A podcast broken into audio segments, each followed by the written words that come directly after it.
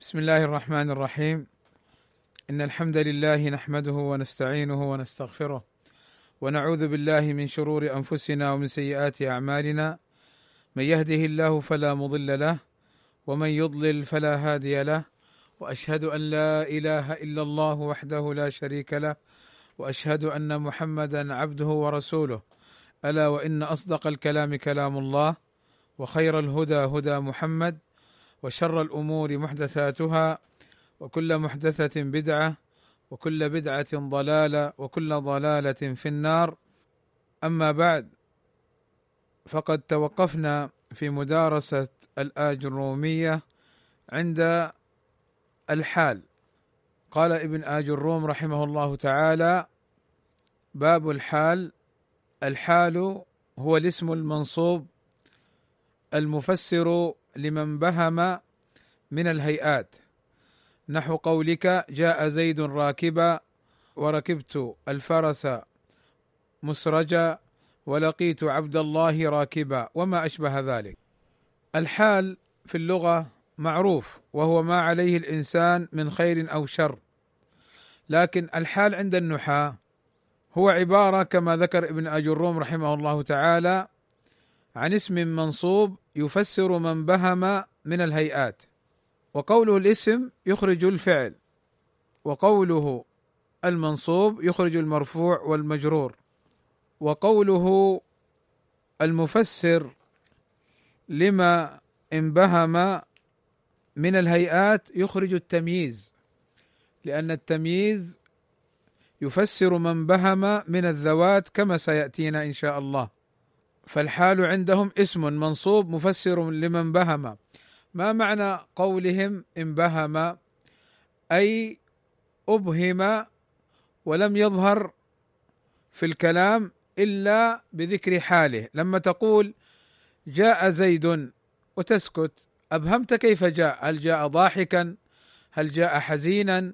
هل جاء مسرعا؟ هل جاء راكبا؟ هل جاء ماشيا؟ شيء منبهم بمعنى مبهم. غير مذكور.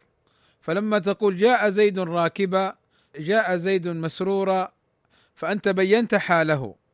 ولذلك تقول جاء فعل ماضي وزيد فاعل. جاء فعل ماضي مبني على الفتح وزيد فاعل مرفوع علامة رفعه الضمة. وراكبا حال منصوبة وعلامة نصبها الفتحة. فراكبا بينت لنا حال مجيء زيد. كيف جاء؟ فإذا الحال اسم منصوب مفسر لمن بهم من الذوات. النحاة يقولون الحال اسم فضلة منصوب. ما معنى فضلة؟ يعني زيادة في الكلام ليس ركنا وليس مهما. فلو قلت مثلا جاء زيد وركبت الفرس ولقيت عبد الله الكلام تام. ولكن لما قلت جاء زيد راكبا وركبت الفرس مسرجا ولقيت عبد الله راكبا يعني من باب شيء زايد والشيء الفضلة يعني الزيادة. يعني يستفيد السامع ولكن لا ينقص الكلام بدونه. فإذا بارك الله فيكم. الحال إما أن يكون اسم صريح وإما أن يكون أيضا مؤولا. فالحال لا يكون فعلا من حيث هو. فمثال الحال المؤول نقول جاء محمد يضحك. فجاء فعل ماضي ومحمد فاعل ويضحك فعل مضارع مرفوع وعلامة رفعه الضمة. والجملة وطبعا يضحك فعل مضارع وفاعلها ضمير مستتر تقديره هو. والجملة بعد المعرفة أحوال. يعني تعرب حالا. فنقول يضحك وهذه الجملة الفعلية في محل نصب حال لمحمد. والتقدير جاء محمد ضاحكا. ثم بين ابن آج الروم شروط الحال. ولكن قبل أن نذهب إلى هذا الكلام نود أن نبين أن قول ابن آج الروم جاء عبد الله راكبا أو جاء زيد راكبا وركبت الفرس مسرجا ولقيت عبد الله راكبا. فيه من ابن آج الروم إشارة إلى أن صاحب الحال قد يكون الفاعل. فجاء زيد راكبا راكبا حال لزيد وزيد فاعل. وركبت الفرس مسرجة مسرجة حال للفرس والفرس مفعول به. فركب فعل ماضي والتاء تاء الفاعل والفرس مفعول به. أين الحال؟ مسرجة حال منصوبة وعلامة نصبها الفتحة. فالحال قد يأتي من الفاعل وقد يأتي من المفعول به. وقد يأتي أيضا من غيرهما ولكن نقتصر على ما ذكر ابن آج الروم رحمه الله تعالى. ثم قال ابن آج الروم ولا يكون أي الحال إلا نكرة. ما يصح أن تقول جاء زيد الباسم. هنا ما يكون حال يكون صفة. فإذا عرفت الحال يكون صفة هنا.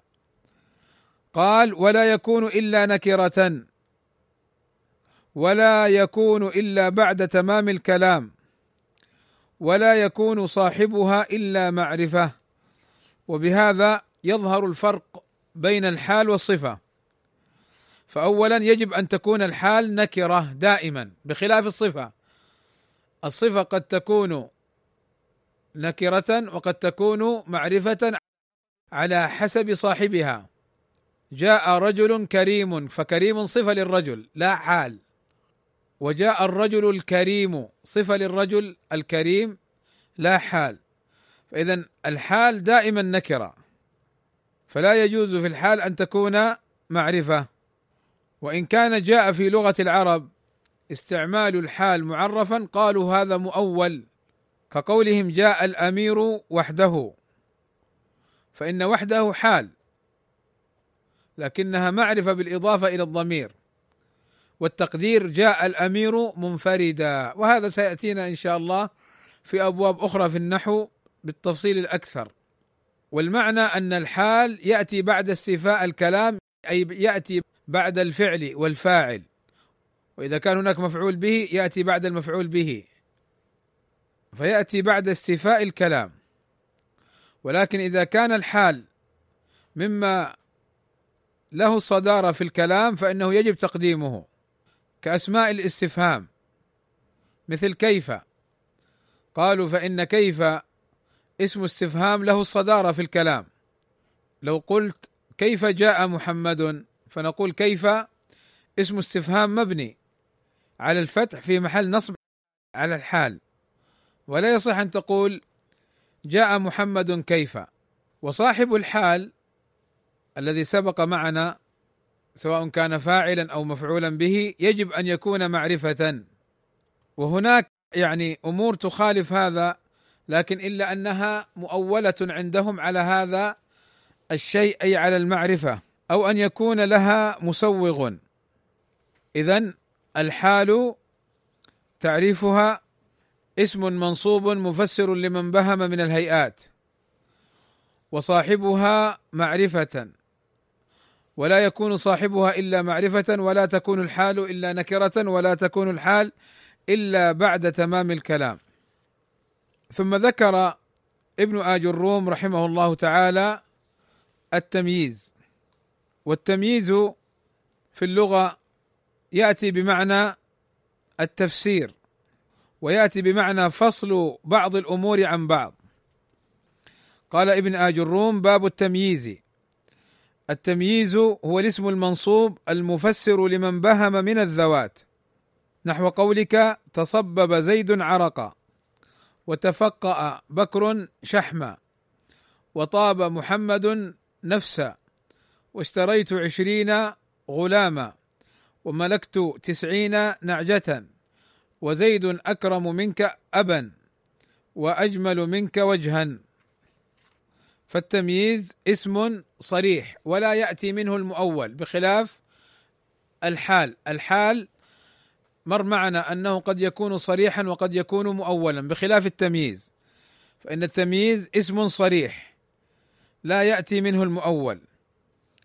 الاسم المنصوب خرج المرفوع والمجرور. المفسر لمن بهم من الذوات خرج الحال لأن الحال كما مر معنا يفسر من بهم من الهيئات. وهنا تصبب زيد. لما قلنا عرقا لأنه نجهل ما الذي تصبب زيد؟ قال عرقا. ففسر لنا المبهم في الكلام. تفقأ بكر. قال شحما. إشارة إلى إلى ذلك. وطاب محمد. ما الذي طاب فيه؟ إلى آخره. فإذا التمييز اسم صريح منصوب مفسر لمن بهم من الذوات أو النسب. مفسر لمن بهم من الذوات أو النسب هذا كما قالوا أن التمييز نوعان تمييز للذات وتمييز للنسب. تمييز الذات قالوا يسمى بتمييز المفرد وعرفوه بقولهم ما رفع إبهام اسم مذكور قبله مجمل الحقيقة ويكون بعد العدد أو بعد المقادير من الموزونات أو المكيلات أو المساحات. تمييز الذات ويسمى تمييز المفرد يكون بعد العدد أو بعد المقادير من الموزونات أو المكيلات أو المساحات. أما بعد العدد فمثل قوله تعالى إني رأيت أحد عشر كوكبا. رأيت فعل ماضي والتاء تاء الفاعل. أحد عشر مبني على فتح الجزئين في محل نصب مفعول به لرأيت. وكوكب تمييز منصوب وعلامة نصبه الفتحة. وهو مفسر للعدد. هو قد يكون رأى أحد عشر رجلا رأى أحد عشر فرسا رأى أحد عشر حجرا. فبين بقوله كوكبا وميز. فصل الأشياء بعضها عن بعض أو فسر ما الذي رآه. وقد يكون التمييز بعد المقادير من الموزونات. اشتريت رطلا زيتا. قد يكون زيتا قد يكون سمنا قد يكون كذا وكذا من الموزونات. فاشترى فعل ماضي والتاء تاء الفاعل ورطلا مفعول به زيتا تمييز منصوب وعلامة نصبه الفتحة. وكذا المكيلات نحو اشتريت إردبا قمحا.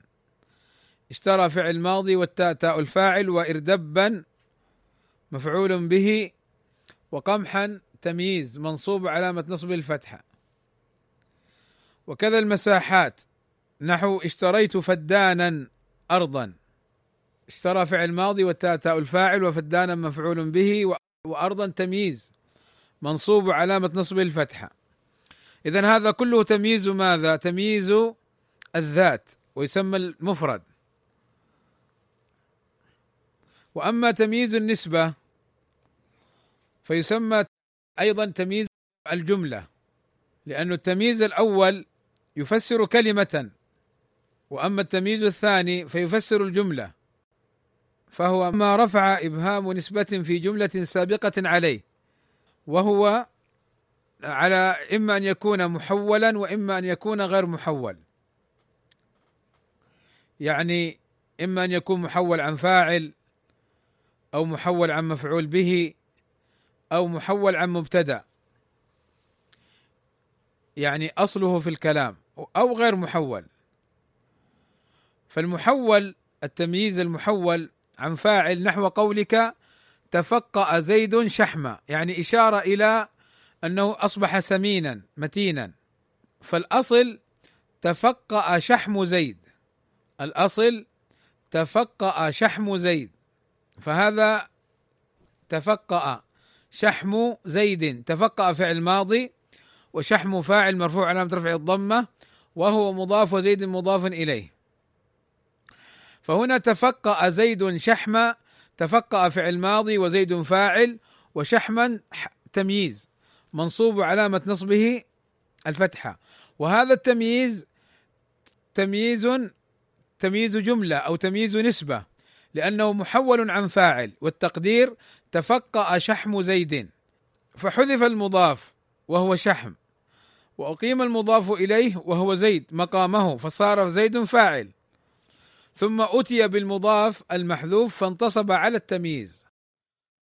فإذا قرأنا تفقأ زيد شحمة نفهم أن هذا محول عن فاعل.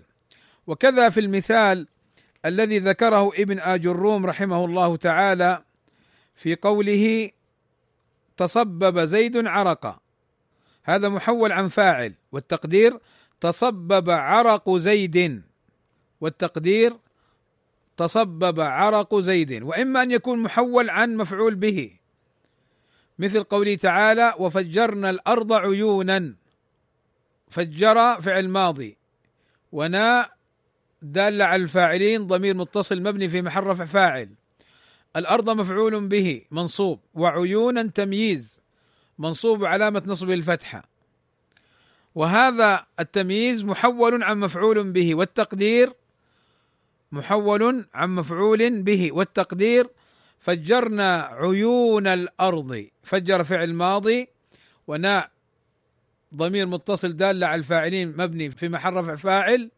وعيون مفعول به وعيون مفعول به منصوب علامة نصب الفتحة وهي مضاف والأرض مضاف إليه. ففجرنا الأرض عيونا عيونا تمييز محول عن مفعول به محول عن مفعول به وأصلها فجرنا في غير القرآن طبعا فجرنا عيون الأرض. فحذفنا المضاف وهو الأرض وجعلنا المفعول به تمييزا فصارت وفجرنا الأرض عيونا. النوع الثالث من المحول فهو المحول عن المبتدأ وذلك في قوله تعالى أنا أكثر منك مالا والتقدير طبعا مالا تمييز منصوب وعلامة نصب الفتحة. تمييز لماذا لأكثر؟ فأنا ضمير منفصل مبني في محل رفع مبتدأ وأكثر خبر أكثر خبر مرفوع علامة رفع الضمة منك جار ومجرور من حرف جر والكاف ضمير مبني متصل في محل جر بحرف الجر. مالا تمييز منصوب. وأصله مالي أكثر من مالك. في القرآن أنا أكثر منك مالا. لكن لو رجع لو رجعنا عن تحويله لكان التقدير مالي أكثر من مالك. فإذا مالي مبتدأ وأكثر خبر.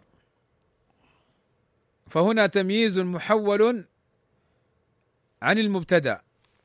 وأما غير المحول فمثل قولنا امتلأ الإناء ماء فامتلأ فعل ماضي والإناء فاعل وماء تمييز منصوب علامة نصبه الفتحة وهذا تمييز جملة أو نسبة لأنه لا يفسر عددا ولا موزونات ولا مقادير ولا مكيلات ولا مساحات وإنما يفسر الجملة امتلأ الإناء ما الذي امتلأ أو بماذا امتلأ ماء.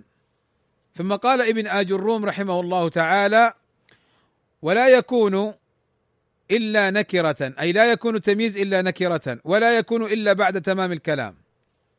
فلا يكون التمييز معرفة فلا يكون إلا نكرة. وأما ما جاء في بعض لغة العرب أن يكون التمييز فيه ال قالوا هي زائدة ليست للتعريف. ولا يجوز في التمييز أن يتقدم على عامله بل لا يجيء إلا بعد تمام الكلام أي بعد الفعل والفاعل. وبعد المبتدأ والخبر كما مر معنا.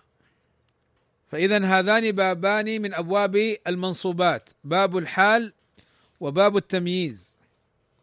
وفرقنا بين الحال والصفة والآن فرقنا بين الحال والتمييز. أن الحال اسم منصوب فضلة مفسر لمن بهم من الهيئات. وأما التمييز فهو اسم منصوب مفسر لمن بهم من الذوات أو النسب.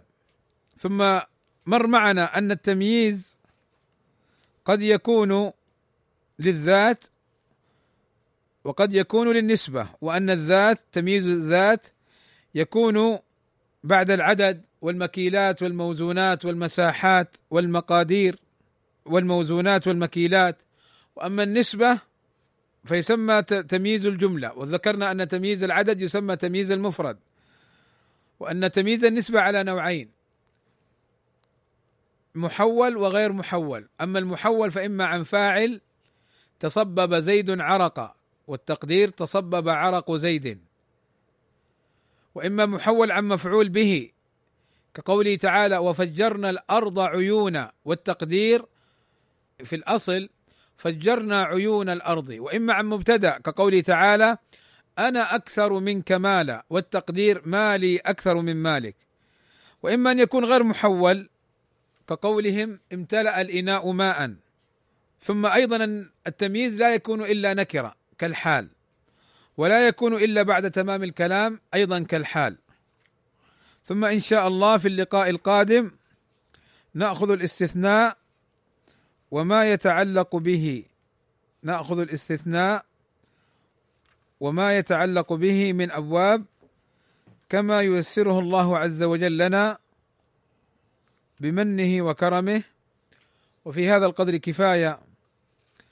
وصلى الله وسلم على نبينا محمد وعلى آله وصحبه أجمعين. والحمد لله رب العالمين. وأنبه إلى أمور. الأمر الأول بارك الله فيكم. مر معنا أن من طرائق هؤلاء الناس أنهم يكذبون هذه العصابة الذين يفسدون في الأرض ولا يصلحون. الذين رد عليهم شيخنا الفاضل محمد ابن هادي المدخلي جزاه الله خيرا أنهم يكذبون. وأريد أن أنبه إلى نقطة مهمة وإلى قضية تفسر لنا لماذا حدث أن بعض المشايخ تكلم في إخوانه السلفيين فأقول من منهجهم ومن طريقتهم ومن مسلكهم ومسالكهم الفاسدة أنهم يكذبون على السلفي عند العالم حتى يتكلم فيه. فيقولون مثلا فعل كذا هو ما فعل. أو مثلا أنه طعن فيهم أو طعن في إخوانه. فالشيخ يتكلم في هذا السلفي أو قد يعني يصدر منه كلام في هذا الرجل. فهذا مسلك لهم خطير جدا. وأنا أضرب أمثلة على ذلك.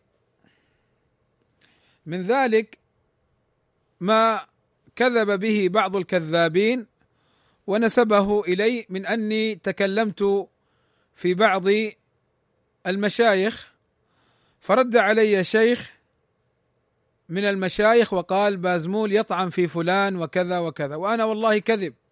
لا طعنت في هذا ولا ولم أذكره أصلا ولا أعرفه. فكيف أتكلم فيه؟ فما جرأ هذا الشيخ على أن ينسب لي هذا الأمر إلا أولئك الكذابون وأمثالهم. وأيضا ما وقع من بعض المشايخ من اتهامه لي بأني سببت الفرقة في أمريكا في المساجد ونحو ذلك.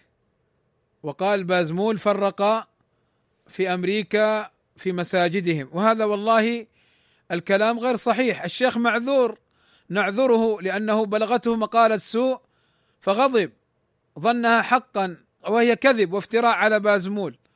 فأنا والله بشهادة الإخوة في أمريكا جزاهم الله خيرا برؤوني من هذا. قالوا ابدا. بازمول مو هو سبب المشاكل هذه. ابدا.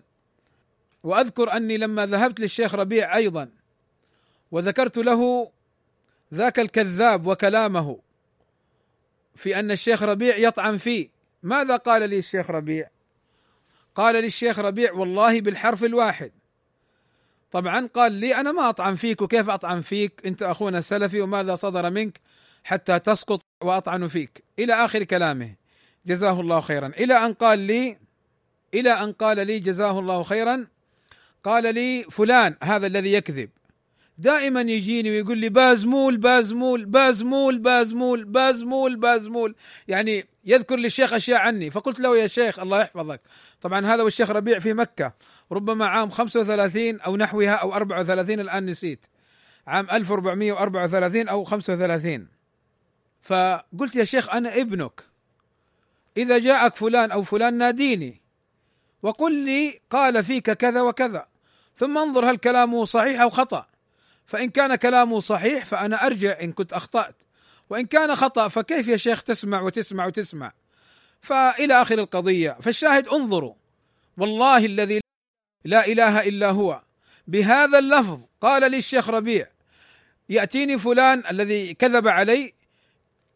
وقال إن الشيخ ربيع يقول يسقط بازمول وبازمول سبب كذا كذا بعد أن قال والله أنا ما علي عليك ملاحظات. ثم رفع رأسه وقال لي نعم هو يأتيني دائما يقول بازمول بازمول. طبعا بازمول بازمول فعل كذا بازمول قال كذا بازمول فعل كذا بازمول وهكذا هكذا يكذبون على المشايخ. هكذا يكذبون على المشايخ. وأنا لا أستبعد أيضا حتى مشكلة أمريكا لما حاول بعض الناس أن يفسد علي عند بعض المشايخ. يأتون بازمول فعل كذا بازمول فعل كذا. أخونا جزاه الله خيرا داود أديب الأمريكي صرح بصوتية وأظهر صوتية فيها كلامي وفيها كلامه وأيضا صوتية مسجلة تبرئتي من هذا الأمر وأن أحمد بازمول بريء من هذا الأمر. والذي نستفيد من هذا أن هؤلاء من أساليبهم أنهم يكذبون عند المشايخ على بعض السلفيين. يكذبون ويفترون وصوتية أخونا داود أديب معلنة وموجودة وقد انتشرت في حينها. وقد أرسلت لهذا الشيخ الذي نسب إلي أني طعنت أو أنني سببت للفرقة في أمريكا أرسلت إليه وقلت له يا شيخ هذا لم يحصل جزاك الله خير وأنا ابنك. وهذا الكلام غير صحيح ولم يذكر هذا الكلام بعد ذلك فجزاه الله خيرا. فهؤلاء الذين فضحهم الشيخ محمد بن هادي المدخلي جزاه الله خيرا وتكلم فيهم وكذلك تكلم فيهم الشيخ فركوس والشيخ جمعة والشيخ محي الدين وغيرهم من أهل العلم ردوا عليهم هؤلاء هذا أسلوبهم الرخيص وهذه طريقتهم يعني في فتنتهم. أيضا أول شيء بالشيء يذكر نسب إلي قديما والآن هؤلاء الكذبة عادوا ونشروه وأعلنوه مرة أخرى. نسب إلي أنني أقول بأن الشيخ محمد بن هادي حفظه الله تعالى بأنني قلت لأخينا ألبان إنه سجل على محمد بن هادي لأنه عندما يتكلم فإنه يغير كلامه فيقول مرة كذا ومرة كذا فيظهر أنك أنت الكاذب. لذا فسجله. طبعا هذا الكلام نشروه قديما وكذبت في حينها. وهذه الأيام قاموا بنشرها. طبعا هذه الصوتيات التي هي بعنوان إلى متى أقلقت مضجعهم وفضحت أمرهم فأرادوا أن ينسبوا لبازمول كلاما ليطعنوا فيه. فأخرجوا إعلانا أو بيانا منهم بأن بازمول قال لألبان سجل لمحمد بن هادي. يعني بالخفية. وأن محمد بن هادي يكذبك إذا نقلت عنه إلى آخره. أقول اولا أخونا ألبان جزاه الله خيرا موجود في مكة وهو يشهد أن هذا الكلام كذب. وقد قال لي الأخ ألبان سابقا والآن قريبا كلمته. قال يا شيخ أحمد هل تريد مني أن أخرج بيانا أكذبهم؟ قلت له لا لا تكذبهم اتركهم. ولكن أنا إن شاء الله سأفضح أمرهم وطريقتهم وأنهم كذب فجر في الخصومة. يعتمدون على الأكاذيب وليس غريبا بمن كان الغراب دليله بأن يمر به على الجيف الموات. فهذا الكلام ما قلته. ثم أنا أقول أيضا الشيخ محمد بن هادي جزاه الله خيرا رجل ومعروف بصدقه إذا تكلم بالكلمة لا يرجع عنها. ليس كصاحب كهف الفتن الذي يتكلم بالكلام ثم إذا نشر عنه نادى من نشره وأرهبه وعذبه. والله أذكر قبل تقريبا ست أو سبع سنين تقريبا اتصل علي رجل من دولة من دول الخليج وهو يرجف في الكلام. يا شيخ أحمد الله يخليك أنا تورطت أنا فعلت كذا كذا. يا أخي روع عن نفسك ما بك؟ قال أنا كنت في مجلس فلان كهف الفتن ونقلت عنه كلاما ثم بلغه ان أنا, الذي نقلته. هذا ما كذب عليه. وإنما نقل كلامه. فقال فغضب مني هذا الشيخ وتوعدني ويريد أن يحذر مني ويريد قال والله أنا ما كذبت عليه. فقلت يا أخي روع هدي من روعك. أنت لو نقلت كلام بالخطأ الواجب عليك أن تقول هذا الكلام الذي نقلته خطأ. وإذا نقلت الكلام صوابا وكان صوابا فاعتذر للشيخ. ما كنت أدري أنك لا تريد أن يظهر هذا الكلام. ولم يكن قصدك الفتنة إذا كان الكلام هذا خاصا. أما إذا كان الكلام عاما أو يتعلق بالتحذير من أهل الشر كما هي عادتهم يحذرون في المجالس الخاصة ثم إذا فضحوا كذبوا. هذا النشر. وأتوا بخلاف ما قالوا. فسبحان الله. فاذا الشيخ محمد رجل صريح يتكلم بالحق. وأيضا أنا والله لو قلته لذكرت هذا. أنا لا أخاف من أحد. بفضل الله عز وجل أنا مما تعودت عليه ورباني عليه أخي الشيخ محمد جزاه الله خيرا أن أكون صادقا فإذا أخطأت أعلن خطئي وأتراجع. هذه الشجاعة السلفية الذي يكون عليها السلفي الصادق. لماذا أخاف ولماذا أكذب فعلا أو امرا؟ يعني أنا وقعت فيه. لا أنا أعترف ولكن هذا كذب. بل أيضا حتى الذي نسب إليه في قضية أخرى وهي أن بعضهم نشر والشيء بالشيء يذكر. نسب إلي أنني أقصد في قولي في قضية الإيميل وكذا وكذا أني أطعن في الشيخ ربيع. لا والله هذا هذا أنت تحمل كلامي ما لا يحتمل وأنت تدعي أنك تعلم الغيب وهذا لا يعلمه إلا الله عز وجل. نحن نقولها صريحة الشيخ ربيع عالم سلفي نحبه في الله نقدره ولكن لا نقدسه. إن أخطأ نقول له أخطأ.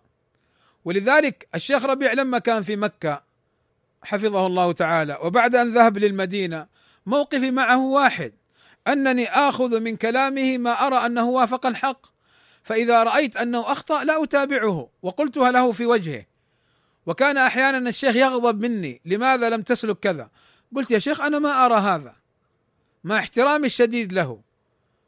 فلا يعني هذا الكلام حينما قلت الإيميل أنني أقصد الشيخ ربيع ابدا. ثم السؤال هنا وهو سؤال دقيق. لماذا تخص الربيع الشيخ ربيع؟ لماذا لم تذكر الشيخ عبيد وله إيميل أيضا؟ لماذا قلت بازمول يريد الشيخ ربيع؟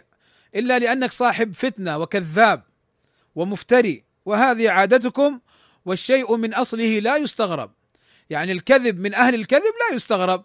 لكن لو جبت لي إنسان صادق كذب أستغرب. أما أهل الفتنة وأهل الكذب وأهل الجلسات السرية والجلسات الخفية لا أستغرب منهم مثل هذه التصرفات. ولذلك نعلنها دائما صريحة أننا نقول الحق ولو على أنفسنا. أنا وإخواني طلاب العلم والمشايخ وغيرنا لا نخاف في الله عز وجل لومة لائم. أيضا من قواعدهم في هذا الباب وأرجو أن تتنبهوا له. استعمال كلمة أصاغر وأكابر لتمرير باطلهم. فهم يجعلون الأكابر وكأنهم معصومون. فإذا خالفتهم كأنك خالفت الدليل من الكتاب والسنة. فأنت خالفتهم إما أن تطعن فيهم فتسقط. فأنت خالفتهم إما أنك يعني ما رجعت للحق فتسقط. فعلى كل تقدير ما دمت خالفت الأكابر فأنت ساقط. أقول بارك الله فيكم استعمالهم لقاعدة الأكابر والأصاغر يريدون بالأكابر ربيع وعبيد وعبد الله البخاري ومحمد بن هادي أيامها سابقا. ثم لما خالفهم محمد بن هادي بقي معهم الشيخ ربيع وعبيد وعبد الله البخاري. فأصبح محمد بن هادي الأصاغر. اذا ما هو الضابط في الأكابر والأصاغر؟ إن الضابط في الأكابر والأصاغر كما قلت لكم سابقا هم أنفسهم هؤلاء الذين يفسدون في الأرض ولا يصلحون فكيف محمد بن هادي سابقا من الأكابر واليوم من الأصاغر بل ومن الضلال والمنحرفين ومن الفسقة الفجرة كيف حصل هذا؟ ما الذي تغير في محمد بن هادي؟ الشيخ ربيع يقول لو خالفت العلماء وأنت معك الدليل فالحق معك هذا الشيخ الربيع الذي يقوله. بل وإجماع أهل العلم كما حكاه شيخ الإسلام ابن تيمية رحمه الله تعالى على أن الواجب اتباع الحق من الدليل وعدم التعصب بالأشخاص وعدم تعليق الحق بالأشخاص. اذا هم يلعبون بهذه القاعدة أصاغر وأكابر. ثم أيضا لو رجعنا لكلام السلف إبراهيم الحربي وابن المبارك وغيرهم لما فسروا الأكابر فسروا الأكابر بمن كان على الحق ولم يفسروا الأكابر بالسن والعمر. انتبهوا.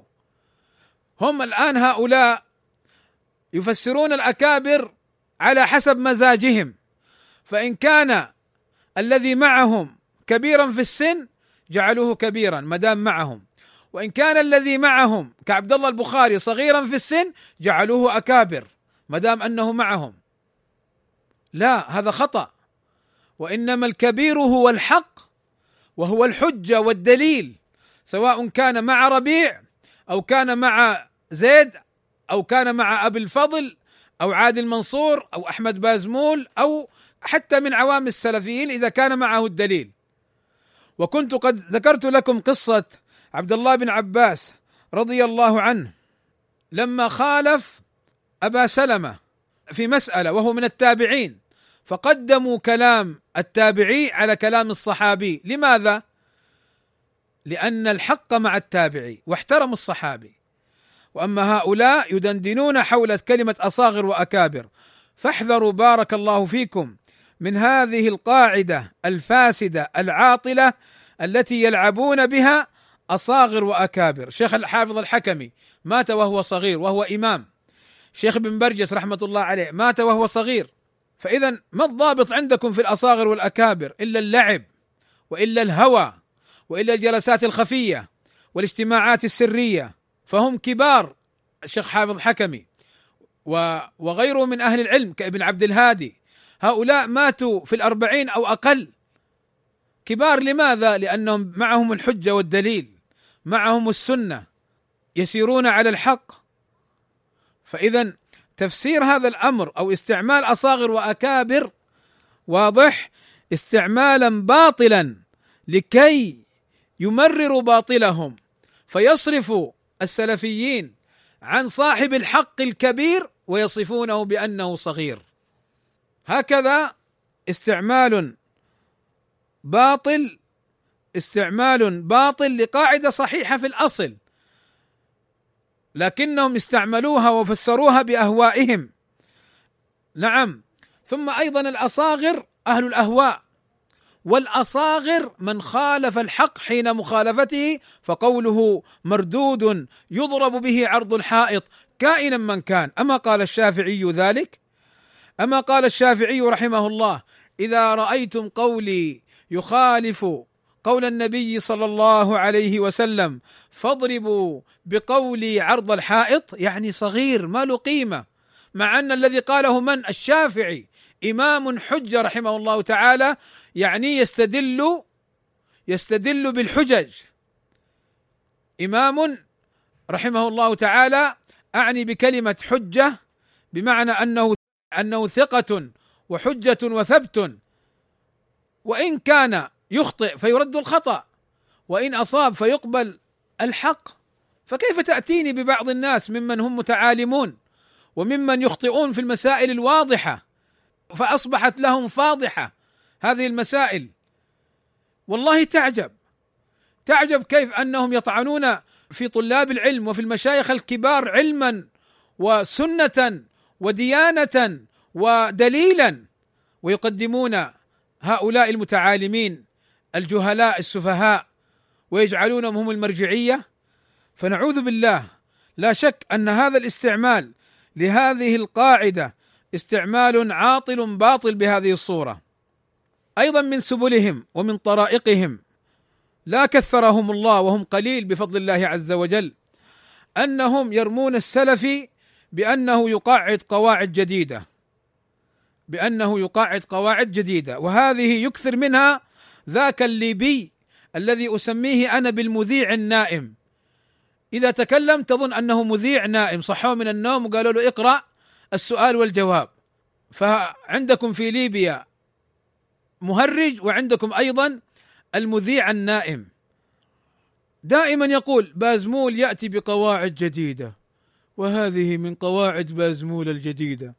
يا أخي كملت نومك وريحتنا.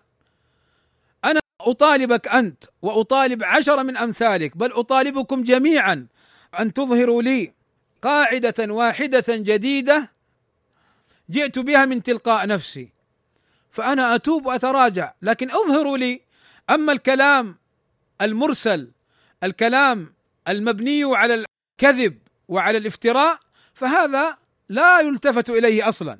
ولكن أنتم أيها المساكين أنتم جهلتم القواعد السلفية. الصحيحة. فلما سمعتم قواعد سلفية مبنية على منهج السلف ظننتوها أنها جديدة لأنكم لا تزالون تجري القواعد المأربية في دمائكم والقواعد الحلبية لا تزال تجري في دمائكم والقواعد الحدادية لا تزال تجري في دمائكم العفنة بهذا المنهج العفن الذي يخالف منهج السلف الصالح.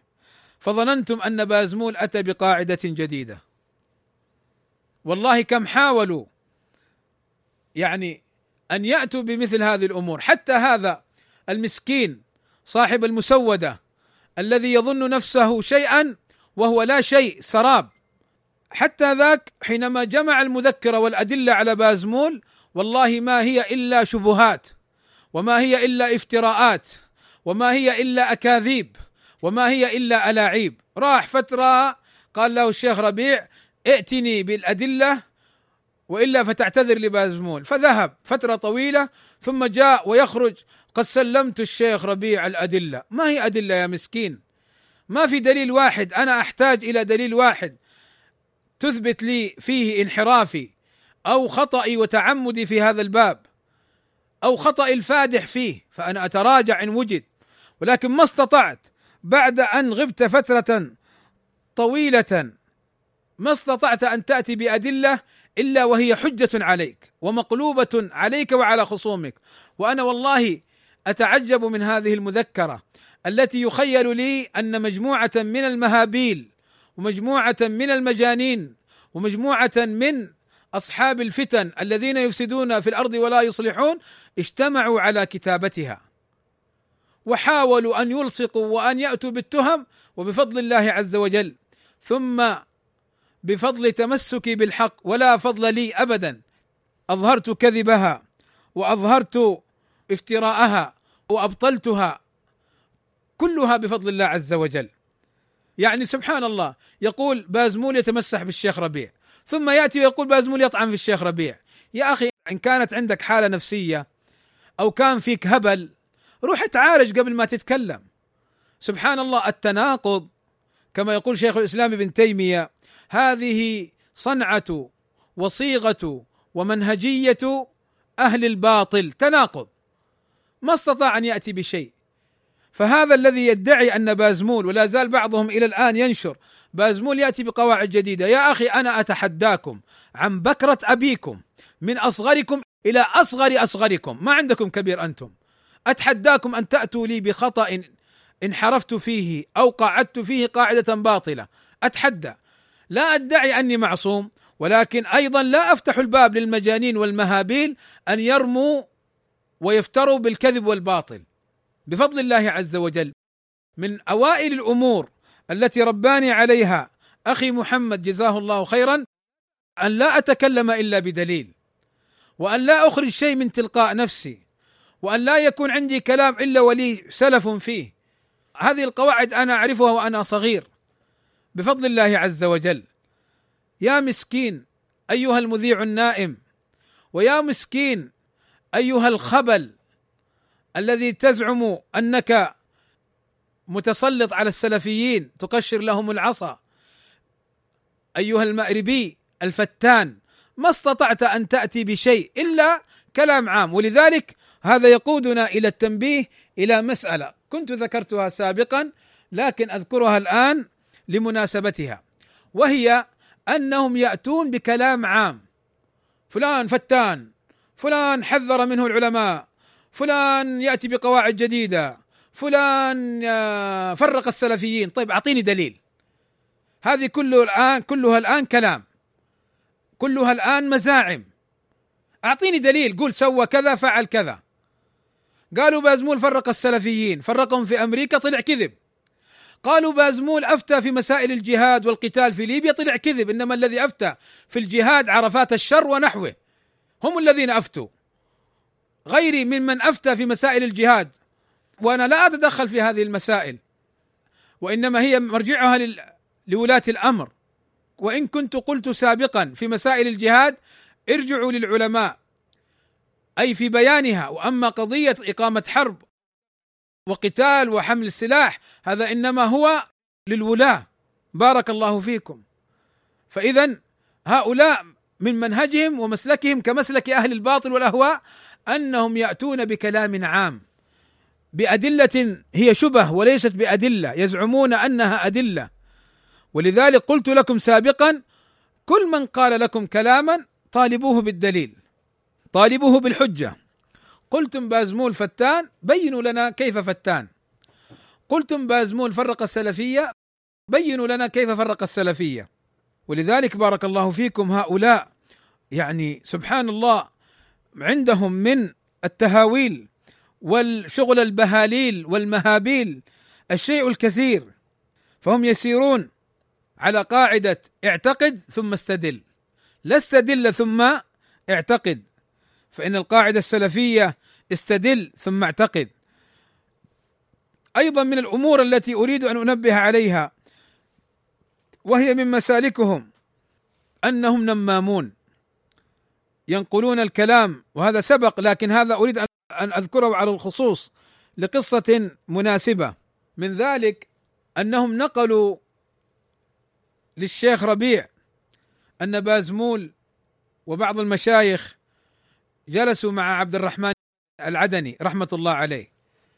فغضب الشيخ ربيع وقال أنتم تجلسون معه وتقوونه إلى آخره فقلنا يا شيخ الله يحفظك ليس الأمر كذلك نحن جئناك فما وجدناك في صلاة المغرب لما كان بمكة. ثم وجدنا الشيخ عبد الرحمن العدني يبحث عنك بعد أن ذهبت. فأخذناه وضيفناه وهو رجل سلفي. ما القضية؟ كون بعض المشايخ ما يبغاه بغير حجة هذا لا يلزمنا. فأخذنا الشيخ عبد الرحمن العدني وذهبنا به إلى مجلس وقهويناه وجلسنا معه وسمعنا منه وسمع منا نصائح. ثم صلاة العشاء جئنا به عند الشيخ ربيع وذهب مع الشيخ ربيع واستقبله. فذهبوا هؤلاء لما رأونا مع الشيخ عبد الرحمن العدني للشيخ ربيع إنه كأننا نحدث فتنة و و و إلى آخره. وهذه طريقتهم. والشيخ عبد الرحمن العدني رجل فاضل رحمة الله عليه صاحب علم وسنة رحمة الله عليه. والله ما طعنوا فيه بحجة. نعم قد يخطئ ولكن خطأ لا يخرجه من السلفية. نعم قد لا يصيب ولكن غيره أكثر منه خطأ وأكثر منه عدم إصابة. وعندكم علامة وإمام. ما هذا الميزان المقلوب؟ ما هذا الميزان المعكوس؟ ما هذا الميزان القائم على الحيل والتلاعب بدين الله عز وجل؟ رجل صاحب سنة وعلم أخطاء قليلة جدا لو وجدت وعدم اصابته قليلة جدا وتوجد وأخطاء توجد. كغيرنا الشيخ ربيع يخطئ عبيد يخطئ عبد الله البخاري أخطاء كثيرة بازمول أخطاء فلان أخطاء هذه أخطاء موجودة. فلماذا يسقط هذا ولا يسقط هذا إلا للعب الذي عندكم؟ حتى تعرفوا أن هؤلاء كذب وغشش غير نصحة وأنهم التفوا حول بعض المشايخ ولعبوا عليهم للأسف الشديد. فإذا هذه قضية عبد الرحمن العدني رحمه الله تعالى. نعم وقفنا معه للحق الذي معه. وقفنا معه وقفة رجوله. لسنا أصحاب مجالس سرية وجلسات خفية ولسنا أصحاب خبيئة. تدرون تدرون الله يبارك فيكم. والله لو أذكر لكم امرا غريبا والله ربما بعضكم يعني لا يصدق هذا ولكن الأخ الذي حدثني بهذا الأمر موجود ولعله في يوم من الأيام يكشف هذا الأمر. لما ذهب بعض المشايخ إلى المدينة من اليمنيين الآن لا أذكره أظنه الشيخ عبد الرحمن العدني رحمة الله عليه أو غيره. فلما ذهب إلى المدينة وأظن قابل هذا هاني بريك أو غيره حينها لما كان في المدينة. فسألوا عن مكان المسجد الذي فيه درس للشيخ عبيد أيام ما كان يدرس. فأراد أن يذهب للشيخ عبيد وأن يلتقي معه. أتدرون اعطى له مسجد؟ قال له خذ هذا العنوان. المسجد. فلما ركب في التاكسي فقال له أريد هذا المسجد. فقال له هذا المسجد بعيد من هنا. بعيد جدا. فقال له قالوا لا يعني مسجد الشيخ عبيد ما هو بعيد جدا. قال أنت تريد من؟ قال له هذا الشيخ اليمني. قال له أنا أريد أن أقابل الشيخ عبيد. قال لا يا شيخ مسجد الشيخ عبيد هنا في المكان القريب هذا. فذهب به إلى مسجد الشيخ عبيد. شفتوا إلى أين الكذب والتلاعب وإلى أين الخيانة وعدم إعطاء الطريق حقه في عدم إضلال الناس وعدم تتويههم في الطريق؟ فنعوذ بالله من هذه الفتن. والله أن إن هذه الحادثة لتكشف لنا مدى خسه هؤلاء ونذالتهم ومدى سفالتهم فعلا. هم رجيع الجماعات ومخلفات الجماعات وزبالتها العفنة. هم هؤلاء. والله أصحاب الشوارع وأصحاب الطرق والفسقه والمحششون والله ما يفعلون مثل هذه الأفاعيل الفاسدة القائمة على الخيانة والغدر. نسأل الله السلامة والعافية. فهؤلاء هذه طرقهم وهذه أساليبهم يكذبون ويلعبون ثم يتظاهرون بأنهم أولياء الله الصالحون. وإذا قيل لهم لا تفسدوا في الأرض قالوا إنما نحن مصلحون. تشابهت قلوبهم. نسأل الله السلامة والعافية. نسأل الله السلامة والعافية من هذه الأمور. ومن هذه الطرق والأساليب المبنية على الأكاذيب المبنية على اللعب المبنية على الحيل المبنية على الطعن في السلفيين. فنسأل الله عز وجل أن يكفي السلفيين شرهم وأن يهديهم إلى الحق أو أن يقسم ظهورهم فإنهم أفسدوا في الأرض كثيرا. ولكن كما سبق وأن ذكرنا إن من رحمة الله عز وجل ومن فضله على السلفيين جميعا أن أمور هؤلاء انكشفت أمور هؤلاء انفضحت. أصبح السلفيون ينبذونهم ولا يحترمونهم ولا يرتضونهم ومهما حاولوا أن يظهروا أنفسهم في مظهر السلف والناصح والأدب والكلام والله لا يقبلونهم. بحمد الله عز وجل. وبفضله سبحانه وتعالى لأنهم أي هؤلاء الذين يفسدون في الأرض ولا يصلحون لأنهم على باطل والآن هم يحتضرون. فرقوا السلفيون ودمروا السلفيون ولكن الحمد لله اجتمعت كلمتهم. واليوم يحاولون يحاول هؤلاء الذين يحتضرون من الذين يفسدون في الأرض ولا يصلحون يحاولون أن يظهروا نشر الفوائد واحترام المشايخ ونحو ذلك. وكل هذا والسلفيون يعرفون أنهم ذئاب ماكرة خادعة أنهم ضباع خسيسة أنهم سباع ضارية على باطل يسيرون فلا يرتضونهم ولو بكوا فدموعهم دموع التماسيح وبكاؤهم بكاء الضباع الخسيسة النذلة. فلا لهم قيمة ولا لهم مكانة ولا لهم شأن بفضل الله عز وجل. والله هذا أمر إنما نفرح به. والله يعلم ما في قلوبنا ويشهد على ذلك. والله إنما نفرح به نصرة للحق. وإنما نفرح به نصرة للسلفيين المظلومين. فهم كادوا أن يسيطروا على السلفية. وظلموا وظلموا وظلموا وأفسدوا وأفسدوا وأفسدوا. ولكن بفضل الله عز وجل رد الله كيدهم إلى نحورهم. وبعضهم يزعم أو يحاول أن يصور أنهم على قوة وأنهم على لا هذا انتهى. كيد الساحر لا يفلح حيث أتى وحيث كان ولا يقبل. والحمد لله الأمور تبينت. يعني سبحان الله يطعنون في المشايخ. شيخا وراء شيخ ولم يبقى أحد إلا هم. مثل ذاك الخارجي لما كان مع صديقه وقال هؤلاء الذين تراهم كلهم كفار. فقال له صديقه وكان عاقلا جنة عرضها السماوات والأرض خلقت لي ولك. أما إنك على مذهب باطل فتركه ومشى. والحمد لله السلفيون اليوم يرونهم يسقطون شيخا وراء شيخا ويفرحون وينشرون أن الشيخ الفلاني قال حذروا منه قال اتركوه وهم لا يدرون. أنهم بهذا يقدمون أدلة للسلفيين أنهم مجرمون وأنهم يفسدون في الأرض ولا يصلحون وأن كلام الشيخ محمد فيهم صدق. وكلام الشيخ محي الدين فيهم صدق وكلام الشيخ فركوس فيهم صدق وكلام المشايخ فيهم صدق وأنهم مفسدون وأنهم لا يصلحون وأنهم يريدون أن يدمروا السلفية وأنهم هم الذين فرقوها وهم الذين حاولوا أن يفسدوها. فالحمد لله الذي رد كيدهم إلى نحرهم والحمد لله الذي جعلهم في مقام مفضوح. وفي منزلة لا يقبلها صغار طلاب العلم وصغار السلفيين. وافتضحوا بحمد الله عز وجل. يا إخوان هؤلاء من شرهم ومن كيدهم كما اتصل بي بعض الإخوان من هولندا. تدرون ماذا فعلوا؟ راحوا لأحد المراكز السلفية التي بيد بعض الإخوان السلفيين في هولندا. وأخذوها منه بالقوة. فلما رفض قال شوف إما أن تسلمها وإما أن نستخرج فيك تحذيرا من الشيخ عبيد.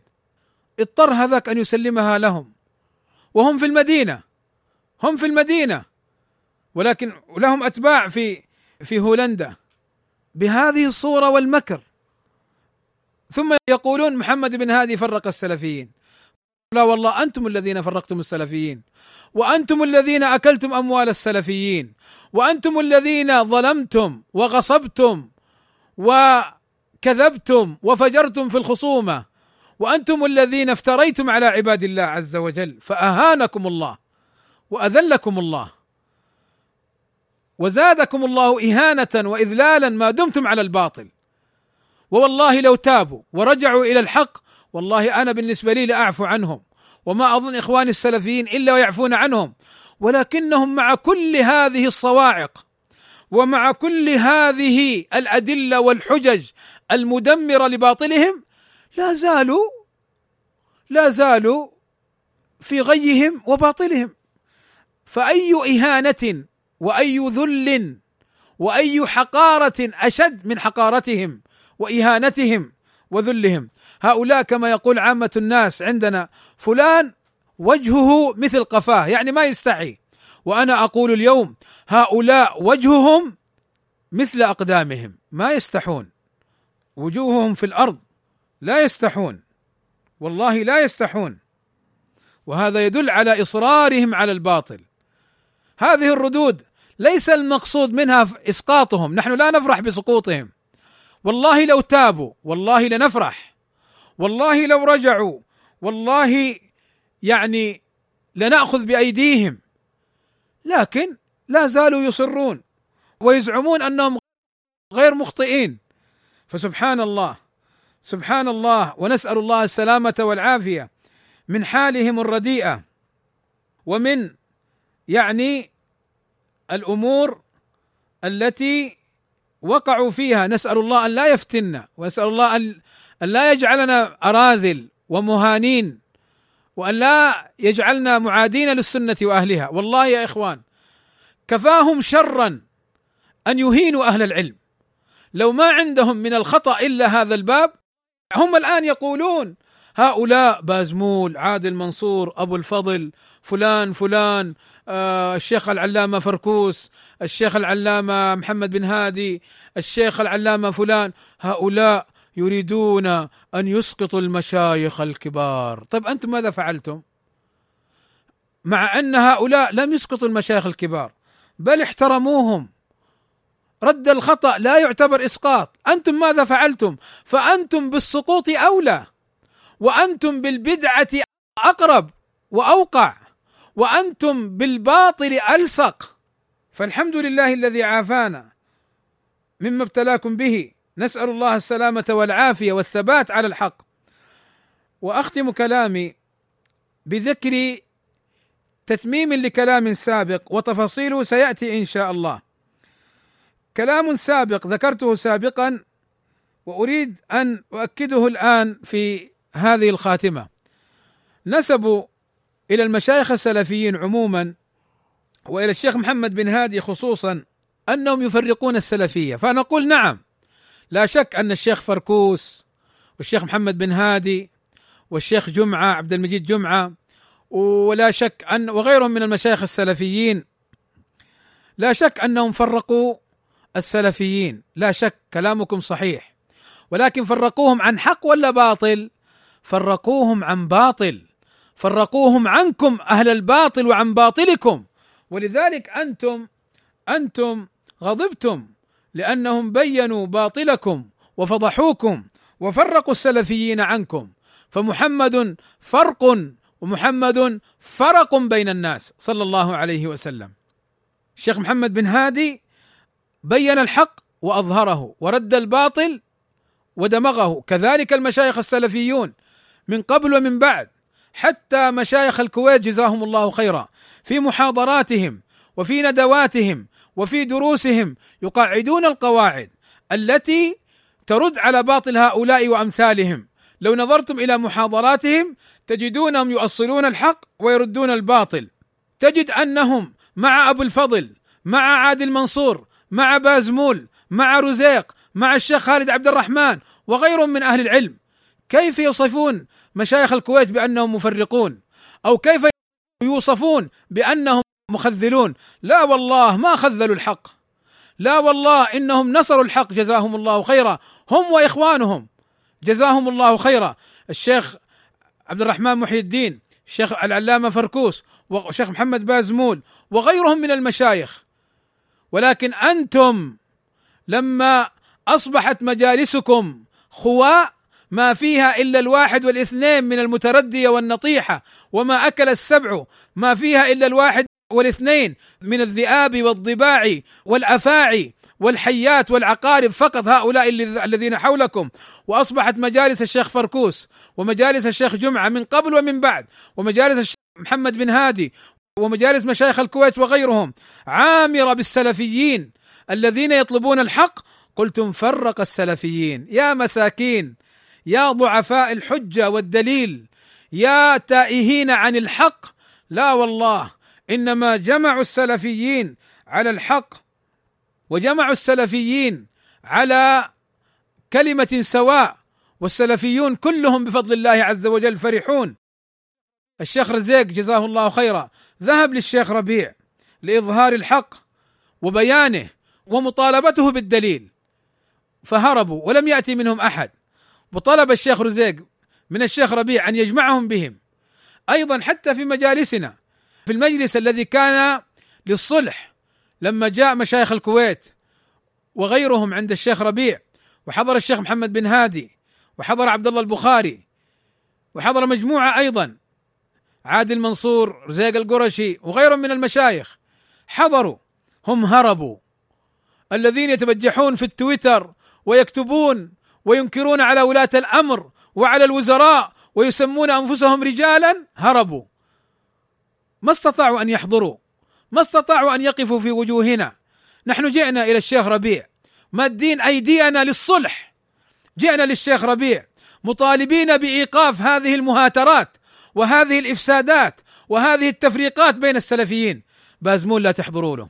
عادل منصور لا تجيبوه. خالد عبد الرحمن لا تقربوه. خذوا زعطان ومعطان. خذوا خيبان وملتان. خذوا فلان وفلان من الجهلاء يريدون أن يصدروهم. أما بازمول عادل منصور أبو الفضل خالد عبد الرحمن من طلاب العلم والمشايخ السلفيين لا تحضروهم. ما هذا الميزان المعكوس المقلوب؟ العفن. ما هذا الميزان السيء؟ جاء مشايخ الكويت إلى الشيخ ربيع وجئنا عند الشيخ ربيع مطالبين بالصلح. الصلح لا لأننا على خطأ. ولكن نقول كفى كفى ضربا للسلفية كفى كفى ضربا للسلفيين كفى كفى تفريقا للسلفية كفى كفى أذية للسلفيين. نحن أخطأنا؟ نعتذر. أنتم أخطأتم؟ تعتذروا. قفوا عند حدكم وقفوا عن المشاكل. قفوا عن تقطيع السلفية في مشارق الأرض ومغاربها ولكنهم هربوا. فمن الذي جاء للصلح؟ ومن الذي جاء لجمع الكلمة؟ ومن الذي سعى لتفريق الكلمة؟ وللأسف وستأتي إن شاء الله ستأتي إن شاء الله حقائق ذاك المجلس في في يوم من الأيام وأذكرها بإذن الله تعالى. الذي أدى إلى هدم هذا المجلس وإفشاله وإبطاله هو الذي رفض الصلح هو الذي رفض أن نجتمع معه وأن توقف هذه التفريقات وهذه المضاربات وهذه التحذيرات من السلفيين. أما محمد بن هادي جزاه الله خيرا وهذا الذي أريد أن أقوله محمد بن هادي جزاه الله خيرا طالب طالب أن يكون مثل هذا المجلس الذي كان عند الشيخ ربيع أن يكون مثله في بيت الشيخ عبيد. كلنا نذهب إلى الشيخ عبيد وأن نقول يا شيخ عبيد خلاص خلاص يا شيخ عبيد كفى كفى فيما مضى كفى كفى فقد أتى أتانا من أراد الصلح والهدى إياك إياك أن ترفض الحق وتكون أول من أبى. أتينا لهذا. ومحمد بن هادي جزاه الله خيرا نص على هذا الكلام. الذي ينص على هذا الكلام أفالذي ينص على هذا الكلام؟ ويطالب بهذا الكلام يكون مفرقا للسلفية. ولا زلت أذكر ولا أنسى موقف الشيخ محمد بن هادي جزاه الله خيرا لما هيجت هذه العصابة. ولما هيج هؤلاء الذين يفسدون في الأرض ولا يصلحون كهف الفتن وهؤلاء الذين هم سفلة وأصاغر ومتعالمون في الحقيقة لما هيجوا بعض المشايخ واتهمني زورا واتهمني كذبا هيجوه. ولكن هذا الاتهام أنا أعتبره بالنسبة لي كذب وزور. أني أطعن في بعض العلماء السلفيين الكبار. محمد بن هادي جزاه الله خيرا اتصل على الشيخ هذا وقال له تحذف كلامك في بازمول. تحذف كلامك في بازمول. وهؤلاء الذين حولك انتبه لهم. ثم اتصل بهم إياكم أن تنشروا هذه الصوتية. فالكلام في بازمول غير صحيح. فقال هذا الشيخ ال... الذي كلمه بن هادي طيب خلاص. أنا أحذف الصوتية لكن ما أعتذر لبازمول. يا شيخ لو كنت تريد الحق ولو كنت مخلصا لله عز وجل وتبين لك أنك ظلمت بازمول فالواجب أن تتراجع عن هذا الكلام. لكن الشيخ محمد بن هادي جزاه الله خيرا وقد كنت قابلته في الطائف حينما حضر آه، جزاه الله خيرا لبعض دروسه قابلته في الطائف قال فين بازمول؟ جيته فسلم علي وسلمت عليه. وقربني منه. وهمس في أذني بكلمات. أنا أذكرها الآن. شهادة له على أنه لا يريد فرقة ولا يريد ضربا للسلفيين ويريد أن يجمع الكلمة. تدرون ماذا قال لي الشيخ محمد بن هادي؟ قال لي يا أحمد اصبر. يا أحمد إياك أن تخرج من كلمة. يا أحمد إياك أن ترد. كففتك وأكفيتك. طالبتهم بنزع الصوتية ولو نشرت أنا أرد عليهم. فإياك إياك أن تتكلم. فجزاه الله خير. كان بإمكانه يقول لي رد عليهم. افعل كذا. هذا حقك. رد وافعل. وأنا معك. ويخليني أرد. وتقوم القيامة بيني وبينهم. يعني تقوم المشاكل بيني وبينهم. لكن جزاه الله خيرا ولا أنساها له. جزاه الله خيرا. طلب مني الصبر وعدم الرد. طلب منهم إزالة الظلم. فقولوا لي بربكم أليس هذا يدل على أنه يجمع الكلمة وعلى أنه من الصادقين وعلى أنه حريص على جمع الكلمة ولا يفرقهم؟ يا إخوان هذا ظلم للشيخ محمد بن هادي. جزاه الله خيرا. جمع الكلمة ونصر الحق هو وإخوانه من المشايخ السلفيين وطلاب العلم. لكن أنا خصصت الشيخ محمد بن هادي حفظه الله تعالى أنهم كذبوا عليه بأنه مفرق للسلفيين. لذلك إخواني بارك الله فيكم انتبهوا انتبهوا انتبهوا لمسالكهم ولطرقهم المشبوهة ومسالكهم المنحرفة ولأحوالهم الخسيسة.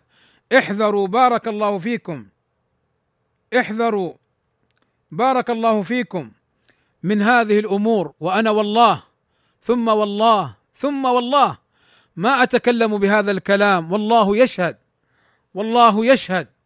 وتعلمون أن من قال الله يشهد أنه كما قال بعض أهل العلم يكفر.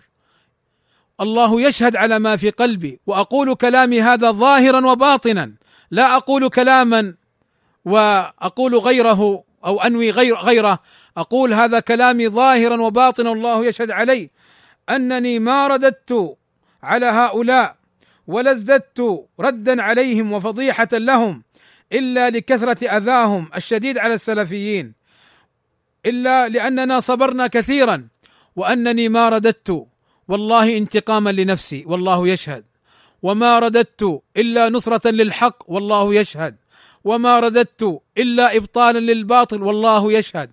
والله بصير عليم خبير بما أقول سبحانه وتعالى. وأشهد الله على هذا الكلام. فبارك الله فيكم. من قال إن بازمول ينتقم لنفسه أو يتشفى فلو أردت هذا كان من زمان فعلته. وعندي القدرة على ذلك لأني حينها كنت مظلوما وكنت سأرد بالحق بإذن الله تعالى. ولكن قيل لي اصبر وقيل لي حتى لا يتفرق السلفيون وقيل لي سنكفيك إن شاء الله الرد على هؤلاء وقيل وقيل لي إلى غير ذلك وإرادة لصلحهم وإصلاحهم أتذكرون أتذكرون أني أيام في بعض الدروس في المعهد ماذا قلت؟ قلت يدي ممدودة لكل من خالف الحق ولكل من وقع في الباطل وأراد أن يعود أن يعود اخا سلفيا صادقا ناصحا وأقبله من غير أن يعتذر لي، ما أريد أن يعتذر لي إنما أريد أن يعود إلى الحق. فبارك الله فيكم. هذا ما أردت في هذا اللقاء بيانه وأعتذر عن الإطالة وأسأل الله عز وجل أن يعصمني وإياكم من الفتن ما ظهر منها وما بطن وأن يجعل أقوالنا وأفعالنا خالصة لوجهه الكريم. وأسأله سبحانه وتعالى أن يحفظ السلفية والسلفيين وأن يفضح كل من أراد بهم سوءا وأن يكشفه حتى يحذر ويحذر منه. وصلى الله وسلم على نبينا محمد وعلى آله وصحبه أجمعين. والحمد لله رب العالمين.